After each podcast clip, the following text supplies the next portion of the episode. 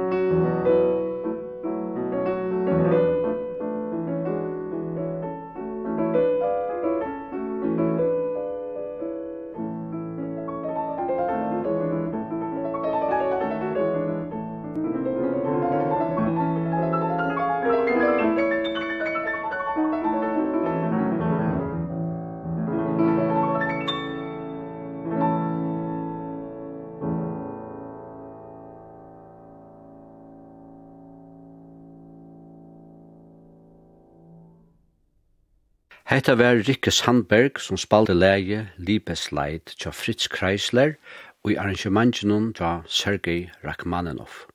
Hauast haunasmier i hans era samtøy var farnir iver a skriva og i øynon møyra moderna mot taunamale, ja, så helt Rachmaninoff nok så fast og i søgnromantiske klangen, sjalt om hans era taunamal, øysene er eie og sermørst.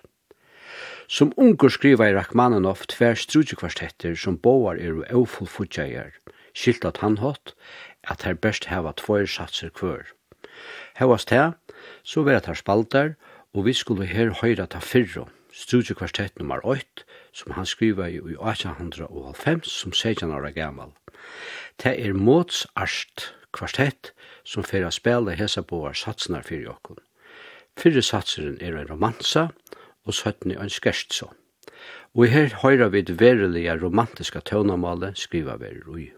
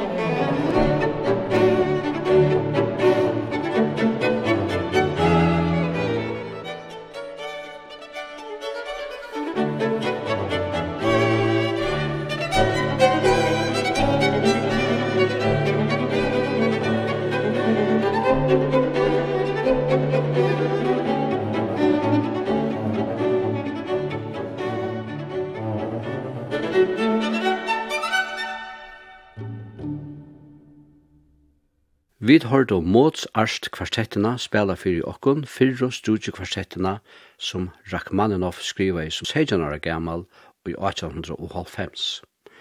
Så færa vi aftur at høyra klavertøvnar, og hese fær verur til kjente fyrste satseren ur trio klaverkonsertene. Rachmaninoff var, som avur sagt, omframt av vera tøvnaskald, òsne sera donalige klaverløykare og dirigenter. Ta best kjenta fra hans hånd er jo ivalest hansara fyra konserter og kanska særstakliga nummer 2 og nummer 3. Hesen satseren er ur de tre konsertene, og hetta verur at rokna som nekka av de allar troplasta a spela av klaver iver høver. Men til er òsne av metaliga vekur og i søgnromantiska støylen. Lusta vel etter sorgbløye høvestemannen her fra byrjan, som du òsne høyrer atter fløyre ferir søttene i satsenon.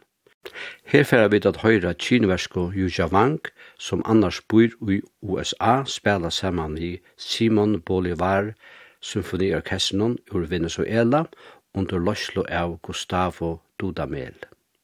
Hetta er ein live-opptøka. Gjer så vel.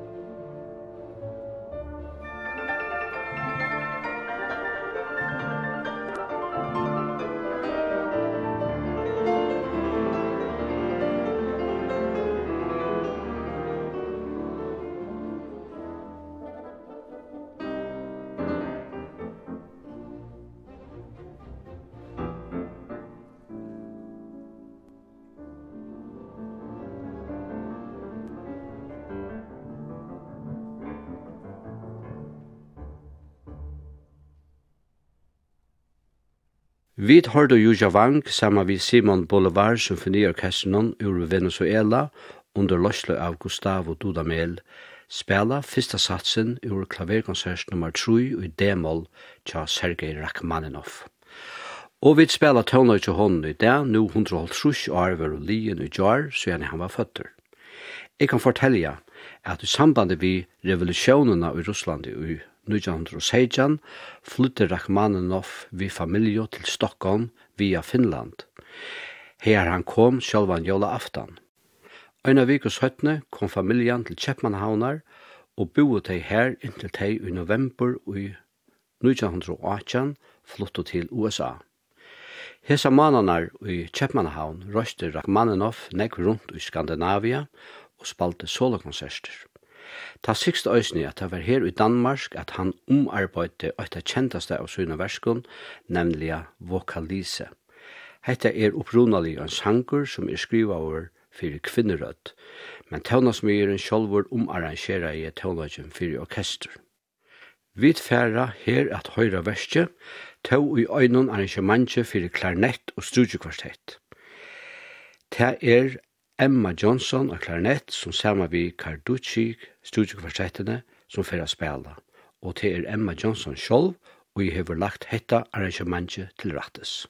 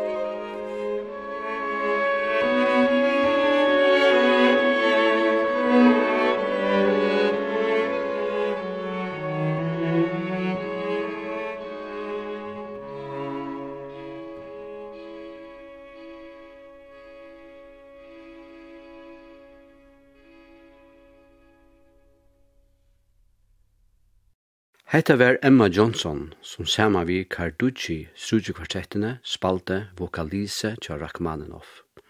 Sujane færa vi at høyra ur hans herra cellosonato i G-moll. Verste skriva i han liot i november i 1908 og frum framførte til sjolvor i desember måned samme år, saman vi Anatoli Brandukov av cello, som han òsne okna i verset til. Vi færa her at høyra fjóra og søgnast satsen, og her er da Gautier Capocon av cello og Jujam Klavere som spela fyrir okken.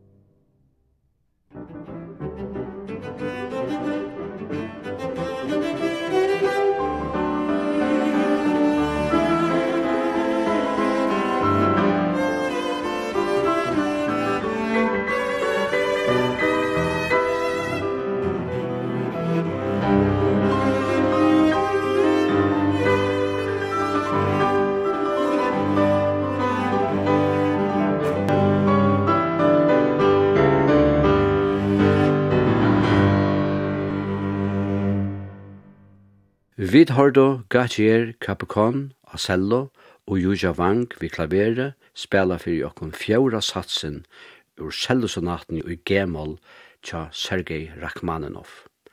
Ui sendisni hese fyrir løttu vid fyrir vi enn preludium.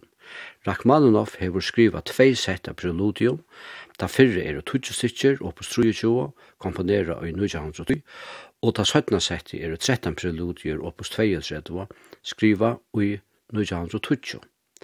Vi færre her i mødre endan av sendingsne at høyre og et preludium ur kvarjon sette. Fyrst er det opus 23 nummer 5 i G-moll, og det er Vladimir Askenazi i spiller.